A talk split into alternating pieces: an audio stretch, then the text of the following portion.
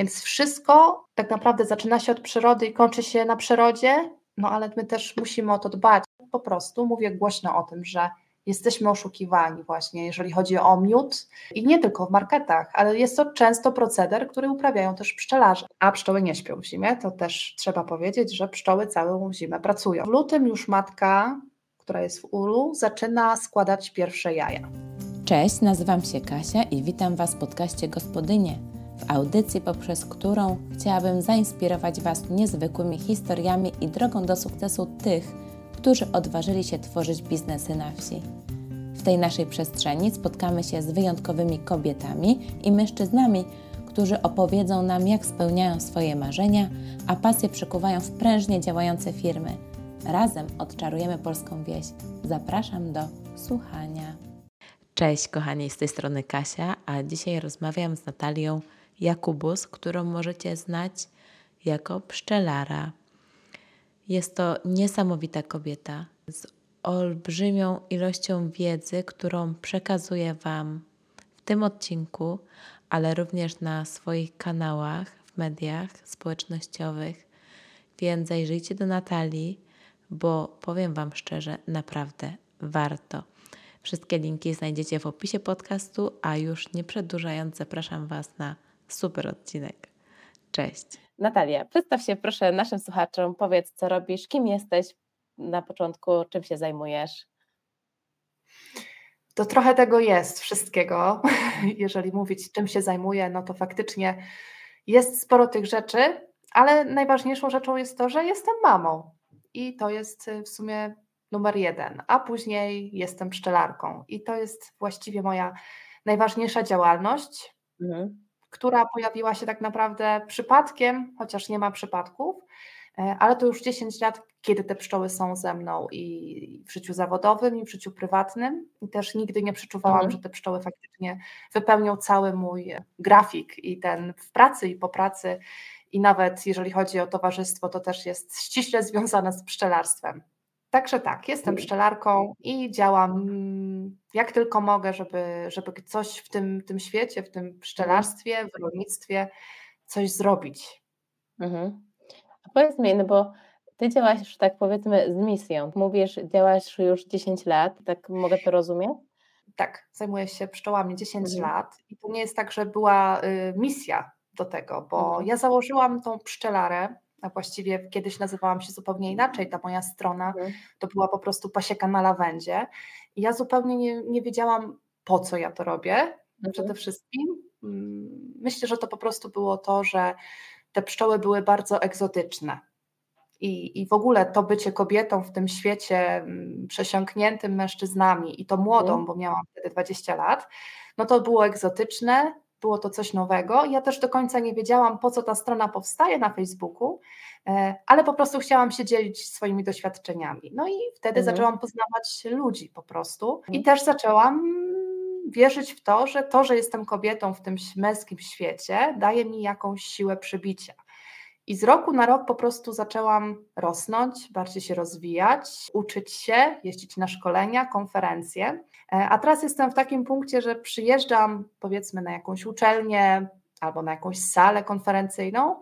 I jak kiedyś, powiedzmy, pięć lat temu siedziałam na tym fotelu i słuchałam innych, tak teraz mhm. ja przyjeżdżam i mówię do tych pszczelarzy. No i to jest taki mój największy sukces, tak naprawdę. Mhm. Takie budujące, prawda? Jest budujące, bardzo. I tak czasem ciężko uwierzyć, że człowiek sam tego dokonał, że to się tak nie stało z przypadku, tylko mhm. faktycznie mhm. ta, ta praca i konsekwencja, że ja jednak cały czas publikuję i tak próbuję wyczuć, który temat najbardziej do ludzi trafia. No i chyba trafiłam w tą grupę odbiorców, bo mhm. ostatnio prawie 2,5 miliona zasięgu w mhm. momencie, kiedy zaczęłam mówić o oszustwach, które są robione właśnie na rynku pszczelarskim, a jest to fałszowanie miodów. Mhm. A powiedz mi, tak jak zanim przejdziemy już do samego pszczelarstwa i mhm. miodów, skąd w ogóle zainteresowanie pszczelarstwem? To jakbyś się miała, wiesz, cofnąć tą przeszłość Wiem. i w ogóle skąd to się wzięło? Ja już tyle razy opowiadałam tą historię, bo mhm. każdy nie może tak. wyjść po prostu z wrażenia, jak to się stało. Bo to, co jest fenomenem w tej historii, to to, że ja mieszkałam w bloku i ogólnie mhm. jestem dziewczyną z miasta. która nie rozróżniała osy, pszczoły, szerszenia, po prostu leciało coś, tak, bzyczało i trzeba było się odganiać. Takie miałam podejście do owadów i nigdy nie byłam jakoś bardzo zżyta z tą naturą. Ale później po prostu zaczęłam jedne studia i czułam, że to nie jest to. Potem myślałam coś o zielarstwie, ale zielarstwa nigdzie nie było tutaj na Podkarpaciu, żeby studiować taki kierunek, ale było rolnictwo. A że zioła i uprawa ziół trochę z rolnictwem ma wspólnego, więc rozpoczęłam te studia. No i na studiach mieliśmy, oczywiście przypadkiem, spotkanie z pszczelarzem i opowiadał o zwyczajach pszczół, mhm. o tym, co pszczoły robią, jak na przykład się porozumiewają, że tańczą, że wiedzą, gdzie jest położone słońce, nawet jeżeli niebo jest zachmurzone. No i ten pszczelarz tak naprawdę mnie porwał w przenośni. Ja po prostu zaczęłam wtedy tak, zainteresowałam się tymi pszczołami, bo było to tak, tak fascynujące i niesamowite, że taki mały robaczek jest tak mądry, tak zorganizowany, że jest taka hierarchia, polityka, że jest tyle okrucieństwa, że jest zresztą nie tylko okrucieństwa, ale też takie bardzo romantyczne rzeczy w tych, w tych ulach się dzieją, no że też chciałam tego spróbować. I zaczęłam po prostu szukać, grzebać, czytać, biblioteki publiczne, YouTube, inne takie rzeczy. No i po roku kupiłam swoje pierwsze pszczoły. I potem, jak to jest, przeniosłaś się na tą wieś, żeby rzeczywiście dbać o tą pasiekę? Tak, po prostu wyprowadziłam się na wieś i mhm. mieszkam już 8 lat, dlatego też mam tą możliwość mieć te pszczoły. No i teraz nie wyobrażam sobie po prostu powrotu z powrotem do miasta. Nie wyobrażam sobie też, żeby moje dzieci mieszkały w mieście. Nie dlatego, że po prostu nie wiem, czy na bazie swoich doświadczeń po prostu i też i widzę, jak te dzieci moje, co prawda są małe, bo mają 5 i 7 lat, ale widzę, jak się rozwijają. Jak moje dziecko idzie i wie, że to jest mięta, to pokrzywa, to jest lipa, to jest dąb. I on to wszystko chłonie, zupełnie idzie innym tokiem. Dziecko ma 7 lat i w ogóle nie jest zainteresowane telefonem on się mnie pyta na przykład, kiedy idziemy na pasiekę, wskakuje do basenu, żeby wyłowić pszczoły, bo widzi, że gdzieś tam pszczoły się topią, więc mhm. myślę, że właśnie to, że ja też w to poszłam, jakoś te dzieci też naprowadzi tą na tą ścieżkę, żeby być blisko, blisko przyrody mhm. I, i te dzieci też są dla mnie inspiracją, dlatego oprócz tego, że zawodowo faktycznie szkole rolników, szkole pszczelarzy, a prywatnie prowadzę też swoją działalność gospodarczą, gdzie szkole dzieci i prowadzę mhm. warsztaty pszczelarskie dla dzieci. I właśnie te moje dzieci są dla mnie taką, na nich po prostu robiłam próby, wiem co dzieci mhm. mniej więcej interesuje. E, no a tych dzieci już się przewinęło u mnie kilkanaście, jak nie kilkadziesiąt tysięcy. Mhm. Tak. Duże, duże osiągnięcie. Wow. Tak, nawet tak ciężko mi o tym mówić, bo nie wiem, tak do człowieka nie dochodzi czasem, jak, jak e, daleko dochodzi i ile jeszcze może zrobić. Ale wiesz co, e, to czasem chyba warto sobie pogratulować nawet. Tak docenić tę pracę swoją. Ja tak właśnie próbuję sobie wyobrazić taką małą Natalkę, siedmioletnią, że teraz byłaby bardzo dumna z tej Natalii prawie 30-letniej. No i mam nadzieję, że za kolejne 30 lat powiem to samo, że, że ta 30-latka jako 60, no jestem dumna, że mhm. zrobiłaś dużo, 300% albo i więcej. Oby więcej. A powiedz mi, tak jak właśnie już mówimy o tym pszczelarstwie, co w nim takiego jest najważniejszego dla Ciebie? W sensie, co Cię w nim tak trzyma, fascynuje, powoduje to, że nie wiem, chcesz rano wstać i iść do tych pszczół? To jest dobre pytanie, bo ja ogólnie jestem takim człowiekiem, ja to nazywam apetytem na życie. Tyle pasji, mhm. ile ja miałam, ile ja rzeczy dotykałam, próbowałam, po prostu robiłam i zostawiłam, nie? Że to nie, to nie, mhm. to, to jednak nie to. I te pszczoły też mi się wydawało na początku, że to będzie taki, taka chwilowa fascynacja. Nie wiem, jak do tego doszło, że to tyle się już utrzymuje i widzę, że idę w to jeszcze bardziej, żeby było tego jeszcze więcej i jeszcze głośniej, ale to właśnie chyba to, że, że czasem mi się wydaje, że wiem dużo, a te pszczoły jednak uczą takiej pokory, że nawet jak wydaje mi się, że wiem, to coś mnie zaskakuje za każdym razem. I ja zupełnie mhm. tego nie rozumiem. Może to jest po prostu taka miłość do tych pszczół, że za każdym razem, za każdym otwarciem tego ula to jest po prostu magia, po prostu dzieje się magia. Mhm. Ja to tak czuję, że, że te pszczoły, ten, ten dźwięk, zapach, zresztą to jest dla mnie taka terapia, mogłabym powiedzieć. Mhm. I, I aromaterapia, i, i terapia na głowę, na uspokojenie, bo, bo też no ja jestem dość energiczną osobą i też potrzebuję takiego wyciszenia i myślę, że te pszczoły to mi dają właśnie. Mhm. Rozumiem. Czyli tak jakbyś czerpała z nich to, co realnie potrzebuje Twoje ciało i umysł. Myślę, że tak, że to tak poszło podświadomie, nie do końca świadomie, że te mhm. pszczoły się pojawiły i dalej trzymają, i dalej ciągną, i, i dają mi takie poczucie, że jednak jest jakaś misja związana z tymi pszczołami, że to nie jest takie po prostu chowanie pszczół, trzymanie, bo też są tacy trzymacze, którzy zakładają pasieki mhm. tylko po to, żeby nie wiem, zrobić sobie dodatkowy dochód, bo też takie, takie mm, pokutuje przekonanie, że no, że zakładając pasiekę, no to mamy e, dodatkowe źródło dochodu, które no, nie pochłania dużo czasu, po prostu mamy pszczoły, pszczoły robią miód. A to nie jest tak, że po prostu pszczoły sobie robią miód, tylko mhm. to też jest szereg prac, które my musimy wykonać, często bardzo ciężkich fizycznie, e, w pocie czoła, gdzie ten pot po prostu jest w każdym zakamarku ciała, każdym. Jak jest 30 stopni, to jest katastrofa. Ja też często w czerwcu czy w lipcu ja mam po prostu dość tych, tych pszczół, tego wszystkiego, ale jest tak jak teraz, luty, ja po prostu nie myślę o niczym innym, tylko żeby pójść na tą pasiekę w końcu, e, no i w końcu je usłyszeć, popatrzeć, mhm. co, co tam się dzieje. A tak jakbyś miała właśnie zobrazować swoją pracę pszczelarki, tak? Pszczelarki, pszczelarza. Pszczelarki. Pszczelarki. Pszczelarki. W skali całego roku. Wiesz, tak jakbyś miała zobrazować, jak to się wszystko toczy w tym ulu, to życie jak wygląda. Czyli jak wygląda cały rok w ulu, tak? Tak, cały rok w cały, ulu, no. Cały rok. I teraz pytanie, od kiedy zaczynamy rok? Bo od zimy. Od zimy, czyli kiedy pszczoły przysłowiowo kładą się spać, tak? Mhm. A pszczoły nie śpią w zimie, to też trzeba powiedzieć, że pszczoły całą zimę pracują. Mhm. Nie śpią, po prostu siedzą sobie w takiej kulce, gdzie uwielbiam mówić, że się przytulają i się grzeją wzajemnie. I tak to wygląda w zimie, ale do tego dojdziemy na końcu, jak ta zimowla przebiega. Mhm. Ale powiedzmy, że już jest luty, tak jak teraz, więc zaczniemy sobie ten rok od lutego. Dlaczego od lutego? Ponieważ w lutym już matka, która jest w ulu, zaczyna składać pierwsze jaja. Ona już jakby czuje wiosnę, że ten dzień jest dłuższy, zaczyna się jakby pierwsze pokolenie, które pszczoły chcą wychować. I jeżeli chodzi o starszych pszczelarzy, no to ci starsi pszczelarze, czego ja nie pochwalam i też staram się im te głowy otwierać, nie zaglądają do ula w zimie w ogóle. Mhm. Tak jak kończą powiedzmy zakarmianie pszczół we wrześniu, no to już tak do marca w ogóle nie zaglądają na tą pasiekę, może gdzieś tam ucho przystawią, czy słychać te pszczoły, ale nigdy nie zaglądają do środka.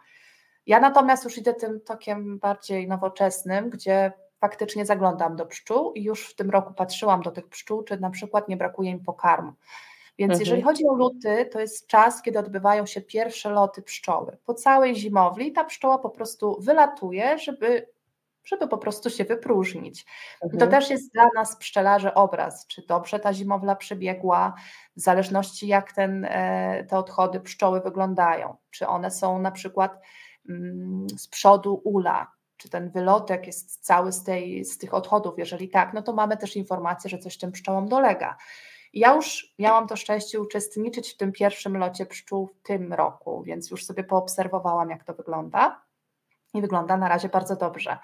Więc luty i marzec to jest właśnie ten czas, kiedy te pszczoły wylatują na pierwsze swoje loty, kiedy pszczelarz musi obserwować, co się dzieje na pasiece, mhm. czy tam brakuje pokarmu. Jeżeli brakuje, no to wtedy musimy szybko uzupełnić, żeby te pszczoły do tej wiosny wytrwały. Końcem marca rozpoczyna się taki mm, jakby proces wymiany pokolenia, czyli pszczoły, które wygryzły się, tak fachowo mówimy, czyli urodziły się w sierpniu, wrześniu, przeżywają aż do marca kolejnego roku. I w marzec, kwiecień to jest czas, kiedy te pszczoły, które żyły przez całą zimę, po prostu umierają i zastępują je nowe pokolenie. I tu, tu też jest taka ważna sprawa, bo my w tym momencie przechodzimy na pasiekę i musimy te gniazda tych pszczół zmniejszyć. Ponieważ jak pszczoły idą do zimowli, tak to się mówi, mhm. jest ich około 70 tysięcy, natomiast na wiosnę już zostaje około 20, więc to gniazdo jest za duże. No i tu Mhm. też my po prostu dbamy o to, żeby, żeby to gniazdo było jak najciaśniejsze, żeby było ciepło, żeby tym pszczołom nie brakowało pokarmu i głównie obok, koło tego się odbywa cały kwiecień. Tak, tak, Mhm. tak mi się wydaje, że mogę to do, do kwietnia przeciągnąć, bo w kwietniu pojawiają się już pierwsze takie pożytki, czyli po prostu pożywienie dla pszczół. Chodzi tu głównie o pyłki. To jest najważniejsze, jeżeli chodzi o pszczoły. Nie miód, a pyłki, bo Mhm. to, to jest białko dla pszczół, to jest ich, ich chleb powszedni. O tym tak naprawdę to, to występowanie tego białka, no to, to, to de- determinuje ten rozwój pszczoły, czy ona będzie się dobrze rozwijała, czy nie, czy te rodziny będą silne, a zatem, czy będziemy mieć dużo miodu i tak dalej, i tak dalej. Więc kwiecień to jest czas, kiedy te pszczoły mają się rozwijać. W maju te pszczoły mają nam się wylewać z ula, ma być ich bardzo dużo. No i maj to jest właśnie ten okres rójek, które my widzimy zresztą nieraz na gałęziach drzew. To jest taki Mhm. podział rodziny. Tak? To jest naturalny, naturalnie wpisane w życie pszczoły, że one chcą się po prostu wyroić. To jest takie rozmnażanie się Mhm. pszczoły. Więc y, w maju my pszczelarze dbamy o to, żeby te pszczoły jednak nie uciekały. No i my sztucznie po prostu robimy taką rójkę, czyli na Mhm. przykład odkład pszczeli, robimy nową rodzinę. I maj, czerwiec to jest właśnie ten czas, kiedy my te rodziny rozmnażamy, powiększamy pasieki, Mhm. e, żeby te pszczoły nam nie uciekły. No i tutaj też jest czas tych pierwszych pożytków, takich e, nazywamy to pożytek towarowy, czyli takie duże pożytki, z których wybieramy miód. I jest to na Mhm. przykład miód rzepakowy, niektórzy wybierają miód wielokwiatowy, wiosenny, czyli z przewagą mniszka, sadów e, i innych tych pierwszych kwitnących roślin. A w czerwcu wchodzimy już w lipę, wchodzimy w wakacje, więc to jest czerwiec, to jest taki najbardziej pracowity miesiąc, Mhm. jeżeli chodzi o cały rok pszczelarza, bo to jest czas miodobrań, czas, po, czas robienia tych odkładów, czyli rozmnażania rodzin. E, To jest czas ym, bardzo intensywny, żeby to wszystko logistycznie ogarnąć, zwłaszcza jeżeli ktoś chce wybrać sobie miód rzepakowy, a później od razu chce lipowy, więc on te, musi wycelować, żeby te, te odmiany jednak się nie do końca zmieszały, Mhm. tak? bo to też jest ważne, żeby ten miód faktycznie odmianowy był tym miodem odmianowym, żeby też konsumenta nie wprowadzać w błąd. No i przechodzi lipiec, sierpień, to dalej są miesiące, kiedy mamy okres, w którym pszczoły zbierają miód, ale właściwie to zbierają nektar, a później robią z niego miód. E, Są to e, miody takie późnoletnie, jak gryka mm, na przykład, albo spać. U mnie w moich Mhm. terenach występuje spać, więc to sierpień jest takim czasem, gdzie wybieramy miód spadziowy. I właściwie część Polski już w lipcu kończy swój rok pszczelarski. Te mm, tak naprawdę takie intensywne są 2-3 miesiące. Ale moja część Polski niestety nie. Nieraz jest tak, że we wrześniu wybieramy miód. E, Jest to bardzo e, takie problematyczne, bo we wrześniu jednak pszczoły już powinny być przygotowane do zimy, a my wybieramy nadal spać, bo zależy nam na tym, żeby tej spadzi Mhm. w ulu nie było. No niestety spać może powodować biegunki u pszczół, no a biegunka u pszczół w trakcie zimowli niestety często oznacza śmierć, więc czy chcemy, czy nie chcemy, my tą spać musimy wybrać. No i od września rozpoczynamy y, karmienie pszczół na zimę. Mhm. Pszczelarz podaje albo syrop cukrowy, albo gotową już e, taką mieszankę e, przeznaczoną do zimowania, czyli na przykład inwert, no i w tym momencie zakarmiamy pszczoły. Rozpoczynamy też leczenie, zresztą to leczenie się powinno jeszcze odbywać na wiosnę, o czym nie wspomniałam, ale to główne leczenie występuje właśnie na jesień, więc te Mhm. pszczoły trzeba przeleczyć. No i właściwie od października już sezon jest skończony. Pszczoły powinny być w ulu, tak? Mhm. Przygotowane, z ułożonymi gniazdami, zakarmione, wyleczone i do marca muszą wytrzymać. Mhm. Ja rozumiem. To powiem Ci, rzeczywiście jest intensywnie. Y, Jak, jak to dobrze powiedzieć, w ogóle znajdujesz y, czas na jakiś odpoczynek w tym takim sezonie naj, najbardziej intensywnym? No bo wiesz, realnie to jest czas wakacji. Nie, no u mnie nie ma wakacji i Nie to ma. też jest chyba dla mnie taki challenge na ten rok, żeby w końcu Mhm. nauczyć się odpoczywać i samą siebie zmusić, żeby gdzieś pojechać i odpocząć. Ale faktycznie, że no, ciężko znaleźć czas na Mhm. cokolwiek, bo tu jest praca na etacie, praca potem u siebie, tak? Czyli mamy zwierzęta, które trzeba dbać, no bo mhm. pszczoła jest zwierzęciem gospodarskim w świetle prawa polskiego, więc trzeba o to dbać. No, no nie da się po prostu mhm. zostawić pszczół w czerwcu, czy w lipcu, czy w sierpniu i, i gdzieś wyjechać na dłużej. No ale faktem jest, że kurczę, niby jest to praca ciężka, ale w jakiś sposób daje takie poczucie odpoczynku, nie wiem, czy to takie obcowanie po prostu z przyrodą w jakiś sposób y, koi, że człowiek się nie zastanawia nad tym, że, że jest to taka ciężka praca. Ciężko powiedzieć, ale mhm. fakt, mało odpoczywam. Mało odpoczywasz. A co jest dla Ciebie największym wyzwaniem w ciągu tego całego roku pszczelarstwa, bycia pszczelarką? Logistyka, myślę.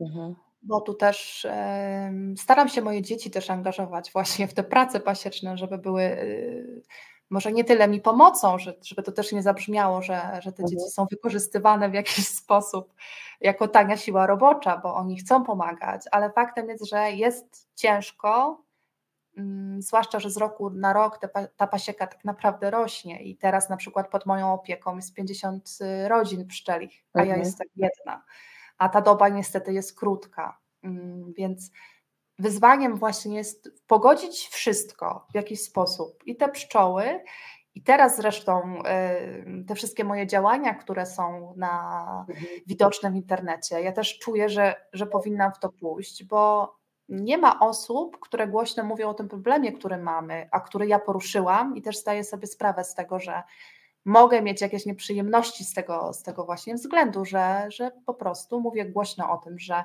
jesteśmy oszukiwani właśnie, jeżeli chodzi o miód i nie tylko w marketach, ale jest to często proceder, który uprawiają też pszczelarze.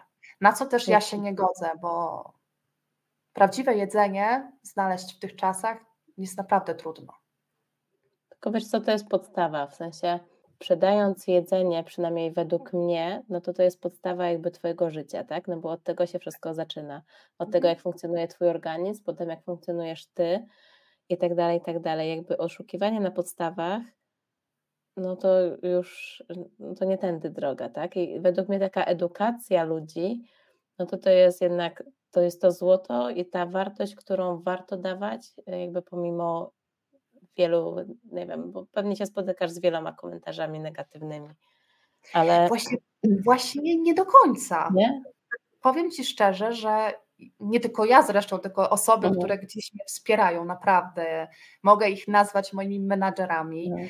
E, no właśnie też się dziwią, że ten odbiór jest tak pozytywny, bo faktycznie nie spotkałam się jeszcze z takim negatywnym komentarzem, że na przykład mówię jakieś głupoty albo mhm. kocopoły i inne takie rzeczy.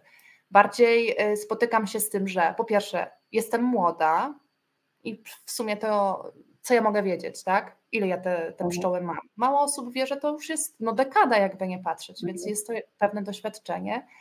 E, ale jednak spotykam się z takimi komentarzami. Spotykam się też z komentarzami, no niestety, no, że jestem kobietą. I to często widać na takich szkoleniach, gdzie ja spotykam się z pszczelarzami i w jakiś sposób czuję się po prostu już tak potraktowana trochę z góry.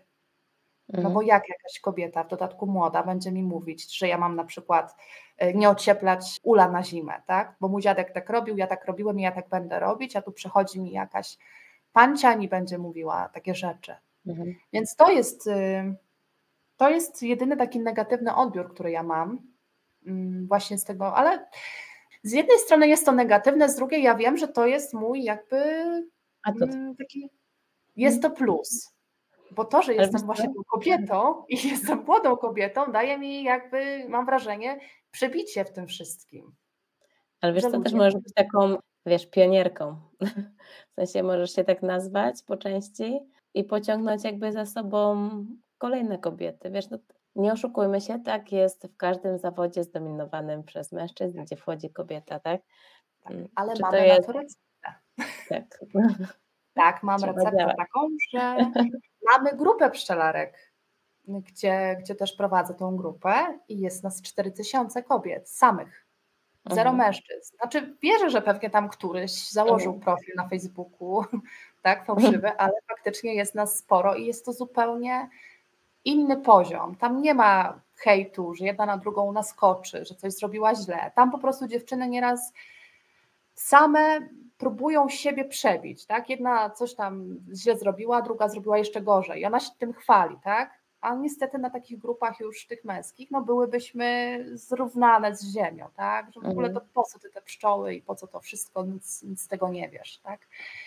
Więc fajnie, że ta grupa jest i, i też wiem, że jest w tym potencjał. I też myślę o tym, jak właśnie wykorzystać te wszystkie kobiety, które jesteśmy w całej Polsce i zrobić coś dobrego razem, wszystkie.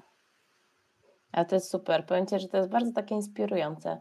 Wiesz, nie, ja już nie mówię o tym fachu, wiesz, waszym, typu pszczelarstwo, tak, ale już w ogóle, żeby zrzeszać kobiety, żeby się zrzeszały, wiesz, w tych takich zawodach ciężkich, tak, no bo to jest ciężki zawód. No I się wspierały nawzajem, no bo bez tego wsparcia sobie pomyśl, jak ktoś jest jeden sam, no to jest ciężko, to możesz, osoba słabsza psychicznie może nie dać rady. Tak, i tu też nawet nie tyle psychicznie, co fizycznie, no bo mhm. te wszystkie korpusy, które my mamy, tam jest miód, to trzeba dźwigać, wtedy jest bardzo gorąco, potem jeszcze kolejne te miodobrania odbywają się w domu i to jest żmudna praca bardzo, bo zanim ten miód trafi do słoika, to jest mnóstwo innych procesów, które my musimy po prostu mhm. wykonać. Często jest tak, że właśnie te kobiety, które są, to też są żony pszczelarzy, albo kobiety, które dopiero próbują i też pytają, jak założyć, co zrobić, jakie ule, żeby były na przykład jak najlżejsze. E, także takich kobiet, które się zajmują tak same, same, no to tych kobiet pewnie będzie mniej, e, ale są i to cieszy i też będę zachęcać, żeby za, zakładać te pasieki. Tylko ja też boję się, bo to pszczelarstwo stało się bardzo modne ostatnio, bardzo mhm. medialne i o tych pszczołach się dużo mówi, ale nie mówi się o tym, że pasieka pochłania bardzo dużo mm, pieniędzy, że trzeba dużo zainwestować. Nie mówi się o tym, że pszczelarstwo i prowadzenie pasieki to jest gałąź rolnictwa i że wszystko jest uzależnione od pogody i od czynników, na które my nie mamy wpływu? Czy pada deszcz, czy świeci słońce, mhm. jest susza, my nie mamy na to wpływu, więc jeżeli ktoś zakłada pasiekę właśnie przez to, że jest modne i że mogę sobie zarobić, bo można pewnie na tym zarobić, jeżeli mamy dużą pasiekę, mamy super bazę pożytkową, czyli mamy od wiosny do późnej jesieni na przykład, nie wiem, rzepaki, lipy, akacje, grykę, y, spać, jeżeli mamy takie tereny, no to jest to teren idealny do hodowli pszczół. Tylko mało osób właśnie zdaje sobie sprawę z tego, że tak jak ten rok, który był, był katastrofalny dla pszczelarzy z Podkarpacia. Po prostu tego miodu praktycznie mhm. nie było. I to już jest któryś rok z kolei, kiedy tego miodu nie ma prawie wcale. Tak naprawdę, gdyby nie to, że ja miałam miód na wiosnę, ja bym w ogóle tego miodu później już nie miała, żadnego. Mhm. Ale niestety mamy coś takiego właśnie w Polsce, że mimo tego, że tego miodu nie ma, no to skądś ci pszczelarze ten miód mają.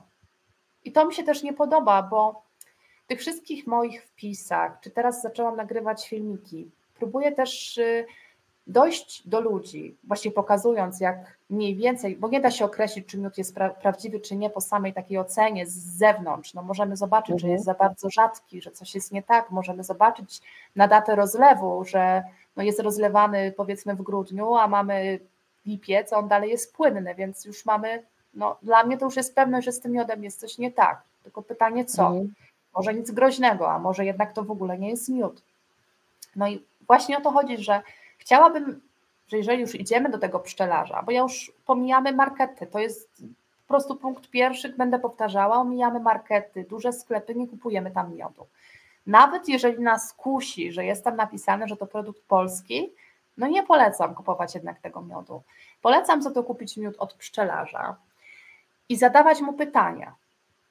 I to też myślę, że to jest taki kolejny mój punkt, pomysł na filmik mhm. i na, na taką receptę, jak kupować miód, żeby zapytać, kiedy był wybierany ten miód, albo jakie jest odmiany. A jeżeli był wybierany w czerwcu, a kupujemy go w październiku, to dlaczego nie jest skrystalizowany? Bo to jest dla nas argument potwierdzający prawdziwość miodu, że on jest mhm. twardy. Nie kupujemy płynnych miodów na jesień czy w zimie, z wyjątkiem akacji, czy też no niektóre miody spadziowe też mogą krystalizować dłużej, ale musimy kupować miód, który jest twardy i to jest nowość. I to też pszczelarze mają mi za złe, bo często mówią, że przychodzą klienci, że chcą miód płynny, tylko płynny, dzieci lubią płynny, ktoś woli płynne do herbaty, a ja właśnie bym chciała troszkę zmienić te gusta, nie z tego względu, że po prostu tak sobie o, założyłam, że będę nagle zmieniać y, wszystkich ludzi, tylko dlatego, że od lat pokutowało przekonanie, że miody płynne to są tylko te prawdziwe, bo jest płynny, mhm. a miód twardy to jest miód cukrzony, więc tam jest dodany cukier albo jeszcze nie wiadomo co, dlatego on jest taki twardy. A to jest właśnie zupełnie odwrotnie. Jak mamy twardy miód skrystalizowany, no to jest dla nas, jest to dla nas informacja, że miód jest prawdziwy. Mało tego, jak na tym słoiku widzimy takie, mm, takie pęcherzyki jakby powietrza, takie piękne, ja to w ogóle takie jakby obrazy, takie białe, piękne, takie, mhm. tak, takie mazidła na samej górze, no to to też jest dla nas informacja, że miód jest premium line. Jak mamy taka ale pianka, taka skórka. Taka pianka, tak, pianka mhm. na górze, ale też po bokach widać takie mhm. piękne smugi, właśnie takie białe z takiej jakby pianki albo pęcherzyków. To jest też, mówię, to już jest produkt premium, jak dla mnie. Mhm. Wow. Więc ważna jest ta świadomość, wiedzieć o co pytać. Może być tak, że jest pszczelarz taki, który faktycznie pod tego klienta ten miód upłynnia z powrotem, bo da się to zrobić w kontrolowanych warunkach, czyli posiada dekrystalizator, to jest taka maszyna, która ten miód właśnie mm, podgrzewa do bezpiecznej temperatury, żeby on po prostu z powrotem stał się płynny, ale taki miód też skrystalizuje ponownie. Natomiast jeżeli ktoś to robi taką metodą chałupniczą, że rozpuszcza ten miód w kąpieli wodnej, to on nie kontroluje tej, tej temperatury i teoretycznie powyżej 60 stopni, jeżeli my zagrzejemy ten miód, to on ponownie nie skrystalizuje, on traci te takie swoje e, właściwości. podobno krystalizuje, tylko on już wtedy robi to bardzo nierównomiernie, już ten miód się rozwarstwia, e, nie wygląda to estetycznie, ani no podejrzewam, że taki, taki rozwarstwiony miód szybko by sfermentował.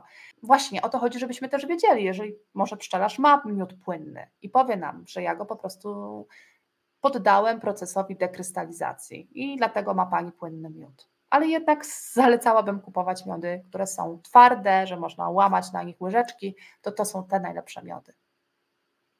A to powiem Ci, dobra, dobra wiedza, dobry przekaz, bo w sumie hmm. nigdy się nad tym tak nie zastanawiałam, a rzeczywiście było tak, pamiętam jeszcze jak byłam dzieckiem, że tylko miód płynny albo taki delikatny jak masło, nie wiem czy kojarzysz taki. Ale to taki, taki... tak jest w porządku. To też jest dobry mhm. miód, bo to są miody kremowane. Mhm. Czyli to są miody, które już skrystalizowały, ale po prostu mamy takie mieszadła i my ten mhm. skrystalizowany miód po prostu kremujemy. Czyli coś ala mhm. Nutella, prawda? Taką ma konsystencję. Mhm. To też jest ok, to, to możemy kupować jak najbardziej. Po prostu mhm. musimy uważać na te płynne, bo z tym płynnym miodem niestety jest różnie. Obserwować. No, Jeżeli mamy płynny, to obserwujemy. No tak, a czasami są to takie, kojarzysz, na przykład niektórzy dają takie podarunkowe malutkie miodziki popakowane tak. i one zawsze są płynne i one mogą stać cały rok i dalej jest płynny, prawda? No właśnie, ale to są też te, te miodki, które na przykład mamy w hotelach, a to mhm. jest moja pasja. Jak y, właśnie wyjeżdżałam na, do tych dzieciaczków szkolić y, te, te klasy podstawowe, to zawsze w każdym hotelu, czy to były Katowice, czy Opole, to szukałam, sprawdzałam, czy, czy jest miód, bo zawsze dają miód w takich plastikowych, tak. w dodatku opakowaniach i zawsze jest on płynny. Zawsze. zawsze. Mhm. Tak. A data ważności 4 lata do przodu. Mhm. I dalej płynny. No tak. A w sumie powiem że tak człowiek się nie zastanawia nad tym na co dzień. No, no właśnie. Ale tak jest ze wszystkim, z każdymi mhm. produktami e, i to też często prowadzę dyskusje na ten temat, na, na temat fałszowania tej żywności, tak? Bo to samo się dzieje z mięsem, to samo się dzieje z mhm. mlekiem, mhm. ale jednak miód tutaj jest na, na podium, jeżeli chodzi o skalę, na jaką fałszuje mhm. się miód. No bo kto tak naprawdę przy, przykłada do tego uwagę? Czy ten miód jest fałszowany, czy nie? No widzi, że jest mhm. produkt polski, że nie wiem, zrobił to polski producent, więc wierzy ślepo i, i kupuje. No a taki miód, dlaczego ja też o tym mówię? No bo no przecież możemy powiedzieć, że w sumie no co tam od czasu do czasu wezmę ten miód, jak jestem, nie wiem, przeziębiona, mhm. mam katar i tak dalej. Ale chodzi o to, że jeżeli mamy do czynienia z miodem prawdziwym, no to mamy do czynienia z produktem, który jest żywy, który jest aktywny biologicznie, który wykazuje szereg właściwości zdrowotnych na nasz organizm.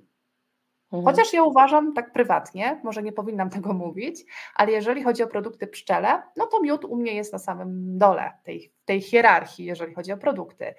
Ale i tak wykazuje szereg tych właściwości. Natomiast ten miód fałszowany, jeżeli jest w ogóle miodem, a pewnie trochę tego miodu mhm. tam jest, to on nie ma żadnych właściwości, to po pierwsze.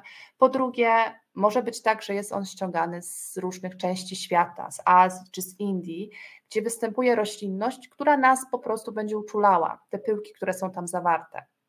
E, tak samo jeżeli chodzi o prowadzenie gospodarki pasiecznej w takich krajach, e, no to niestety, po pierwsze, te warunki sanitarne w mhm. życiu nie powinny być dopuszczone do kontaktu z żywnością. Tam nie ma takich warunków, jak my mamy. Tutaj u nas jest rygor ścisły, kontrole, weterynaria, a w takich krajach po prostu bez rękawiczek wyciska się nie wiem, tam już ja już to widzę, że oni w rękach po prostu wyciskają te miody. No może w rękach nie, ale tam nikt nie przykłada uwagi do takich, do czystości, do jakiejkolwiek higieny, pobierania tego miodu. Mało tego, to też powtarzałam nieraz u siebie, że tam gospodarka pasieczna opiera się na ciągłej produkcji miodu, czyli te pszczoły cały czas pracują, zbierają ten, ten nektar, a pszczelarz nie czeka tak jak my czekamy do momentu, że ten miód będzie dojrzały, bo to też pszczelarz musi wiedzieć, kiedy wybrać miód, bo jeżeli jest w nim za dużo wody, a w miodzie, w takim w nektarze, w miodzie są zarodniki grzybów. One są nieaktywne, ale pod wpływem ciepła i nadmiaru wody ten miód zacznie nam fermentować. I w Polsce rzadko się zdarza, żeby pszczelarz wybierał zbyt szybko miód, bo ten miód musi być, ta, ta ramka z tym miodem, ona jest po prostu zasklepiona, tak to mówimy. Czyli mamy nektar w każdej komórce i na tej komórce mamy taką, takie wieczko zrobione z wosku pszczelego. I ta ramka mhm. jest cała taka biała, pokryta tym, tymi, tymi wieczkami. I to jest dla nas informacja, że miód jest odparowany, czyli tej wody tam nie ma dużo jest dojrzały. Natomiast w tych krajach różnych, w Azji czy w Indiach, ten miód się wybiera, kiedy jest niedojrzały, więc tam jest mnóstwo tej wody, a żeby ten miód nie wykipiał z nadmiaru wody, stosuje się różne antybiotyki, które później w próbkach można, w próbkach, które są badane u nas w Polsce, można niestety zobaczyć. Mhm. A są to często antybiotyki, które się stosuje na tyfus na przykład, albo na gruźlicę, mhm no to też ma jakiś wpływ na nasz organizm, prawda? A na pewno nie był żadnego zdrowotnego. Więc tu jest ten problem. Dlatego ja też tak staram się ludzi uświadomić, żeby nie kupowali tego płynnego z niewiadomego źródła, bo my nie wiemy, czy on jest z Polski, czy on przyjechał z Unii Europejskiej, z jakiegoś kraju, czy może spoza Unii Europejskiej. Teraz trwają prace nad nowymi przepisami, gdzie niestety, czy niestety y, z punktu widzenia producenta czy dystrybutora, będzie on musiał napisać, w jakiej ilości procentowej będzie mieszanka tych miodów z Unii Europejskiej lub spoza Unii. Teraz tego nie muszą pisać. Oni po prostu mają mhm. informację, że jest to mieszanka z Unii bądź mieszanka miodów spoza Unii Europejskiej. I my nie wiemy z jakiego kraju właściwie nic nie wiemy, czy w tym miodzie jest tam coś tego miodu, czy go nie ma. No to powiem Ci, bardzo cenna uwaga. I w sumie dobrze, że te przepisy jednak chociaż troszeczkę się zmieniają. No, pytanie tylko, czy, czy faktycznie będą się do tego stosować, bo też ciężko jest e, tak. niestety to, to zbadać. To Choć są takie kontrole, że jeżdżą, faktycznie sprawdzają na przykład, czy ktoś, kto używa znaczku produkt polski, ten z flagą, czy faktycznie jest możliwe ustalenie jakby położenia geograficznego tej pasieki, czy tam występuje ta roślinność, te pyłki, mhm. które są zawarte w tym miodzie. I to można sobie obserwować na stronie na gov.pl, że tych miodów polskich było bardzo mało. Naprawdę? polskich, tak. Nie, nie występowały takie pyłki na przykład. Albo że nie jest możliwe ustalenie y, położenia geograficznego. Tych kontroli niestety jest bardzo mało ale są i faktycznie kontrolują i głównie kontrolują e, tych dużych dystrybutorów. ale też kontrolują często krupówki na przykład, gdzie jest mhm. miód malinowy, który jest różowy i tu też przestrzegam przed takimi specyfikami, żeby nie kupować miodu malinowego, który jest płynny i w dodatku ma jeszcze taką poświatę mhm. różową. No to jest oszustwo. Inaczej, na przykład, jeżeli mamy do czynienia z miodami, z dodatkiem maliny, bo teraz to jest może modne, modne, modne modne. Mhm. Ja też sama y, eksperymentowałam w tym roku. I to jest miód, który jest skremowany i dodane są owoce liofilizowane. Ale to nie ma nic wspólnego z tym miodem, który jest na krupówkach, który jest płynny mhm. i ma poświatę różową, po prostu dodany jakiś barwnik, pewnie, pewnie jakiś zapach, może też y, jakiś smak dodatkowy, ciężko powiedzieć. Rozumiem. A powiedz mi, tak jak już właśnie mówiłaś, że miód według Ciebie jest na najniższym miejscu, powiedzmy, jeśli chodzi o wartości tak, tak. hierarchii. Jakie wyróżniamy produkty pszczele, które realnie możemy konsumować? To co? Myślę, że z ula możemy zjeść mhm. praktycznie wszystko. Mhm. Mm, I tak, tak najbardziej kontrowersyjną rzeczą to jest osyp pszczeli, czyli po prostu martwe pszczoły. Z tego Naprawdę? też robi się, tak, z tego robi się nalewki. O tym rzadko się mówi, no bo jest to dość kontrowersyjne. Nalewki można robić wcierki, które pobudzają mieszki włosowe do wzrostu. E, wiem też, że stosowane jest to w przypadku problemów z prostatą u panów, ale to już jest taki hardcore, tak, żeby tu mhm. nie mówić, ale, ale warto też o tym poczytać. No ale poza tym mamy mnóstwo mnóstwo innych produktów, które zresztą doczekały się oddzielnej gałęzi w medycynie, która jest apiterapią. E, mhm. Tak nazywa się leczenie i profilaktyka produktami pochodzenia pszczelego. No i tutaj mamy jad pszczeli, który no, uważam, że pszczelarze przez to, że ją najdłużej z wszystkich grup społecznych, właśnie przez to, że mają styczność z jadem pszczeli, no i jad pszczeli też ma swoją już oddzielną dziedzinę, jaką jest apitoksynoterapia której nie stosujemy niestety w Polsce, nikt się takiej terapii nie podejmuje, ale w innych krajach można tak na legalu pójść i się mhm. porządlić, mhm. na przykład pod okiem lekarza. U nas w Polsce tego nie ma, ale tak, zaczynamy od jadu pszczelego, mamy mleczko pszczele, mamy kit pszczeli, mamy pyłek kwiatowy bądź pyłek pszczeli, no to miód wiadomo, do tego dochodzi nam jeszcze pierzga i chyba tyle tak naprawdę możemy podciągnąć pod to jeszcze nawet larwy, bo często jest, że, że ktoś spożywa larwy, na przykład pszczele, które są w ulu. Naprawdę? Tak, ale to już są tak. To jest coś na zasadzie, jak że prawdziwi mężczyźni nie jedzą miodu, tylko żują pszczoły, więc tak, mhm. to dla, dla takich delikwentów. No to powiem Ci, Natalia, że totalnie mnie zaskoczyłaś. No, w życiu się nie spodziewałam, że można jeść takie rzeczy. A teraz Przechodząc dalej, co to jest pierzga? Pierzga. Pierzga to jest po prostu ukiszony pyłek pszczeli. Mhm. Bo pszczoła, no po co pszczoła wylatuje z ula? Pszczoła zbiera nektar, zbiera pyłek, zbiera wodę, mm, zbiera substancje balsamiczne, różne, żywniczne. Ale jak leci sobie po ten pyłek kwiatowy, prawda, no bo to trzeba zacząć od pyłku, ona formuje na nogach, na nogach, obnóżach, odnóża pyłkowe. I pewnie nie raz widzieliśmy, widzieliście wszyscy taką pszczółkę, która ma kolorowe kulki koło nogi, pozawijane takie kuleczki. Mhm. To jest właśnie pyłek pszczeli. I ta pszczoła, ten pyłek pszczeli przylatuje do ula, upycha je w komórce, dodaje tam ślinę, dodaje trochę miodu i w ten sposób zaczyna kiszenie tego pyłku, czyli po prostu robi pierzgę. Tym składem w ogóle się od siebie nie różnią, oprócz tego, że ta pierzga jest wzbogacona kwasem mlekowym, właśnie z tego względu, że jest po prostu ukiszonym pyłkiem. Także jest to, jest to bomba witaminowa. Jest po pierwsze smaczniejsza ta pierzga od pyłku pszczelego, bo pyłek pszczeli jest mhm. bardzo specyficzny w smaku. I też doszukałam się takich badań, że kobietom nie do końca podchodzi właśnie ten pyłek nie wiedzieć czemu. Już z pierzgą jest ok, natomiast pyłek kobiety nie, nie, do końca przyjmują. Chodzi tutaj bardziej o hormony, które są zawarte w pyłkach. I ja też wiem po sobie, bo ja pyłku bardzo dużo jadłam. Natomiast jak zaszłam w ciążę, to po prostu mi nie przyjmowało. Wszystko zwracałam ten pyłek. Nie dało się go po prostu zjeść. Więc coś w tym musi być właśnie, że są tam obecne różne hormony. Ale pyłek czy pierzga, no to, to są takie produkty, które mają naprawdę bardzo mocny wpływ na nasze zdrowie. Mnóstwo opracowań naukowych, kilkaset tysięcy, jeżeli chodzi o pyłek pszczeli y, i pierzgę. Pierzga po mhm. prostu jest produktem droższym, bo jest ciężka do, do wybrania, bo to są takie koreczki jakby poupychane w tych komórkach, no i jakoś je trzeba stamtąd wyciągnąć, wygrzebać, dlatego, dlatego pierzga jest dużo droższa od pyłku pszczelego.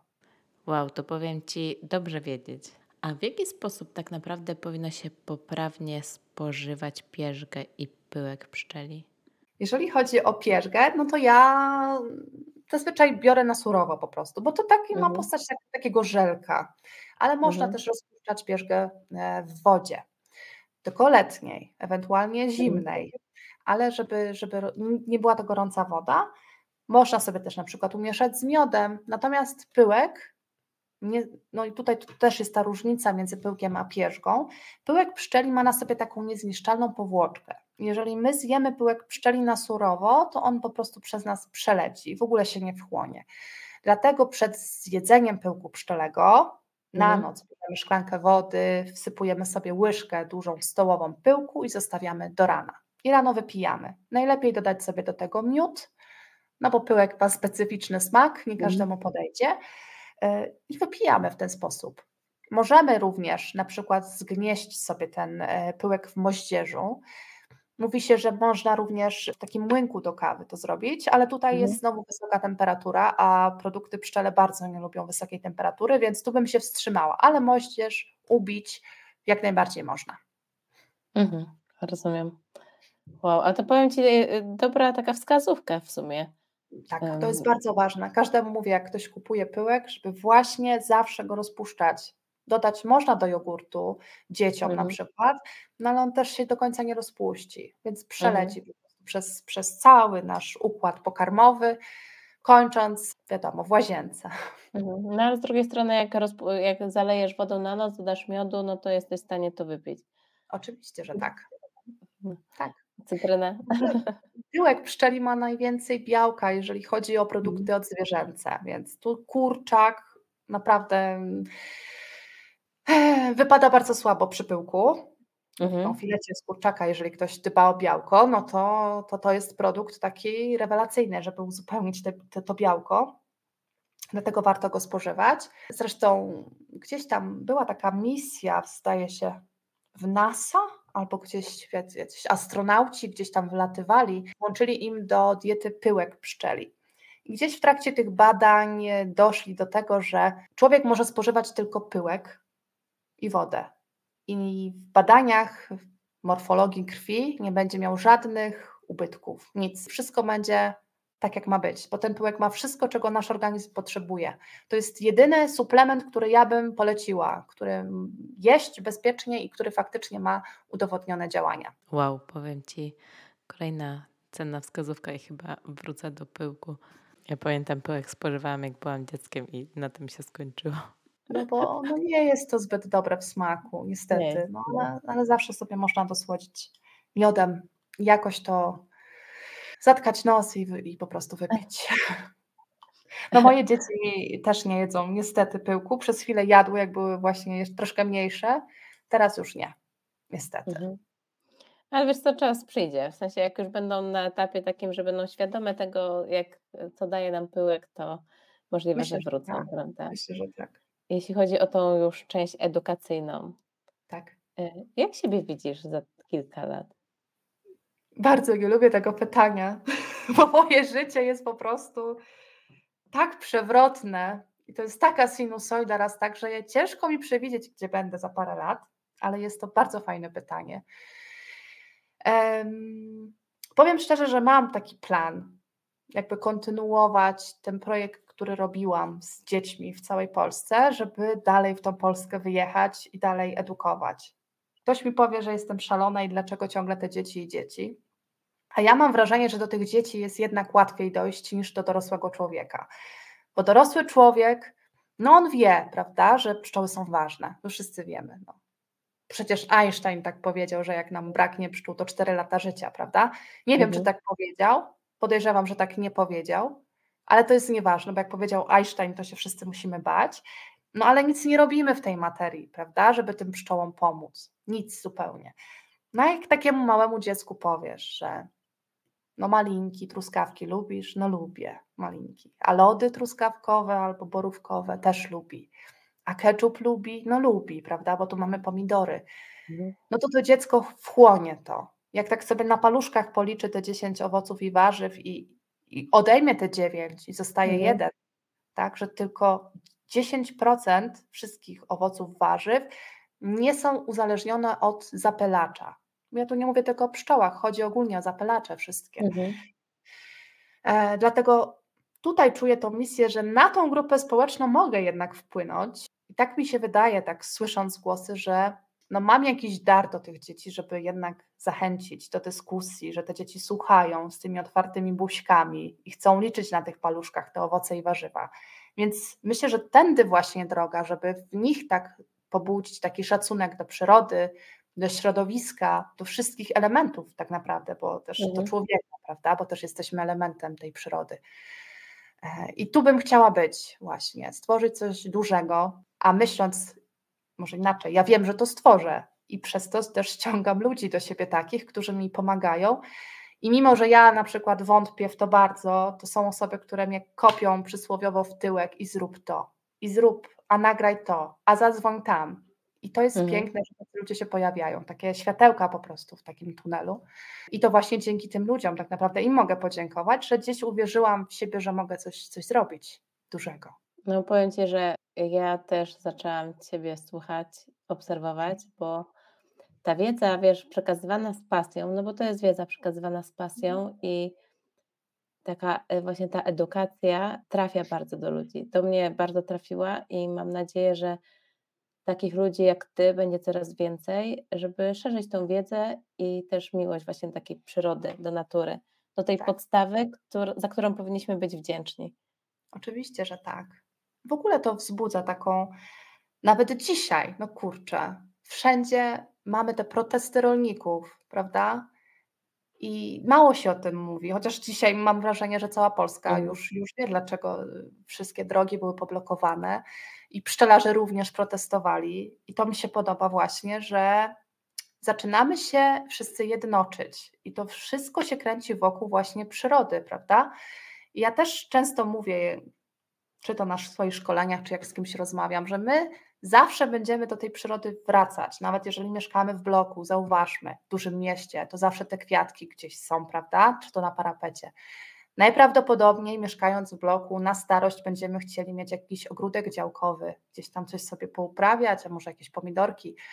Więc wszystko tak naprawdę zaczyna się od przyrody i kończy się na przyrodzie, no ale my też musimy o to dbać, musimy coś zostawić mm. tym innym pokoleniom, prawda? Mnie to przeraża, że nie ma tego poszanowania.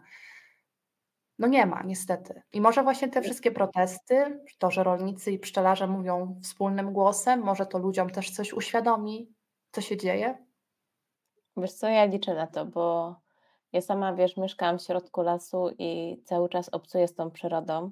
Mhm. Ja sobie na przykład nie wyobrażam innego życia. W sensie takiego już takim zamknięciu w takiej klatce, gdzie wiesz, masz same, sam beton dookoła, bo jednak, jednak warto jest uczyć takiego szacunku do tej natury i takiej wzajemnej, e, wzajemnego korzystania z tego bytu w niej.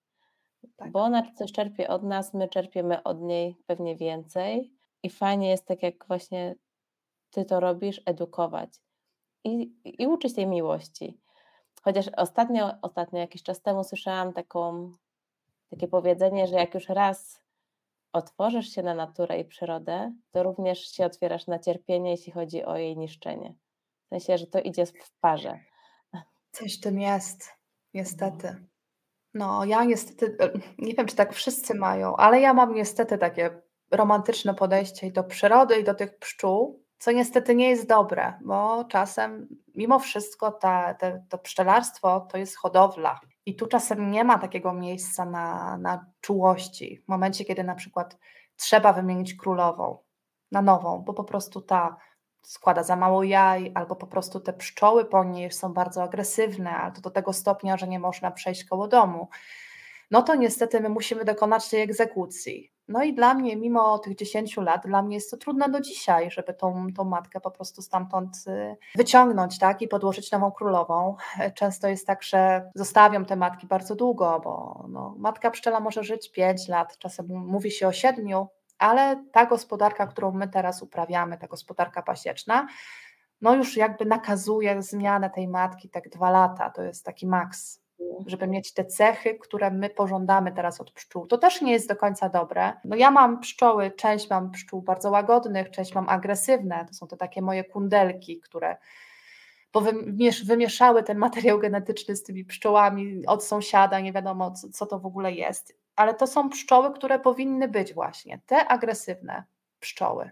One mają te takie cechy, których brakuje tym nowoczesnym pszczołom, bo one są mhm. te nowoczesne, bardzo takie baranki. My możemy pracować bez, bez kombinezonu, one nam nic nie zrobią, one się nie interesują. Ale kiedyś pszczoły, tak wróćmy czasami, jak byłyśmy małe, to one po prostu non-stop żądliły. Jak się przeszło po mhm. trawie koło koniczyny, no to one ciachały non-stop. Teraz tak nie jest i to nie jest dobre. To wiesz co, o tym nawet nie pomyślałam, ale rzeczywiście jak byłam dzieckiem, to ugryzienie pszczoły to było, to, no może nie codzienność, ale było bardzo częste. Mhm. A teraz no, rzeczywiście... Tak, to, to zanikło. I to było, mm, oczywiście to jest celowa taka, celowa hodowla tych matek, tych cech pszczół, właśnie po to, żeby nam się dobrze pracowało. Tylko, że tu jest e, no niestety takie błędne koło, bo te pszczoły robią się coraz słabsze, niestety. Mhm. Te, te cechy, te, ta agresywność sprawiały, że te pszczoły były bardzo higieniczne. A my teraz mamy problem z pszczołami, które musimy leczyć, niestety, i często jest to spowodowane tym, no, że te pszczoły nie dbają o higienę. Ja to tak w cudzysłowie mówię, bo chodzi mm, o mnóstwo wirusów, które, które występują w ulu, mhm. bakterii, tych pszczół, różnych chorób, roztoczy. Te pszczoły agresywne lepiej sobie radzą z tym, albo na przykład w ogóle nie widać symptomów po tych pszczołach, mhm. że coś mhm. im dolega. Natomiast te pszczoły no, nowoczesne, te bardzo łagodne, nierojliwe, bo też yy, hodowcy dążą do tego, żeby pszczoła wyzbyła się tego naturalnego yy, odruchu rojenia się. To też nie jest dobre. Myślę, że do tego nigdy nie dojdzie, ale no, chcą się tego pozbyć. Myślę, że to jest taka zbyt duża już ingerencja w to. Mimo wszystko powinniśmy jednak pozostać przy tych rasach, które mamy tutaj, takie rodzime, i, i to pielęgnować, żeby te pszczoły były coraz mocniejsze, silniejsze, a niestety idziemy w kierunku, gdzie mm, pszczoły po prostu bez pszczelarza sobie już nie poradzą. To wiesz co, to ja, ja bym No to było smutne i mocne i myślę, Tak, że tak. może być to nawet kontrowersyjne, jeżeli chodzi o środowisko pszczelarskie, bo ja mówię, no zawodowo zajmuję się pszczołami, tak, ale też no mam tą sympatię, tą miłość do pszczół i też mi jest szkoda widzieć, bo ja widzę, że te pszczoły są coraz słabsze, ale nie widzę, żeby gdzieś w środowisku pszczelarskim, tym naukowym, chociaż to już się zmienia, właśnie pójść tym tokiem, że może by zacząć hodować jednak te pszczoły inne, agresywne, żeby to utrzymać, to, to pszczelarstwo, bo to zmierza wszystko w bardzo złym kierunku. Mhm. Hm. Wiesz co, ja bym z tym, z tym zostawiła, w sensie tak bym zakończyła tą naszą rozmowę, e, tak. żeby została taka właśnie ta nutka do przemyśleń, w sensie zastanowienia się, co z tym dalej zrobić i może się, wiesz, otworzą się ludzie na to. I Oby. tego Ci życzę, żebyś dalej nie bała się rozmawiać na takie tematy, żebyś dalej edukowała, dalej wiesz, tą swoją ścieżkę budowała, kreowała i żeby inni się otworzyli na to, co masz do powiedzenia. Tego Ci życzę. Bardzo Ci dziękuję. No, Oby więcej. Dziękuję to.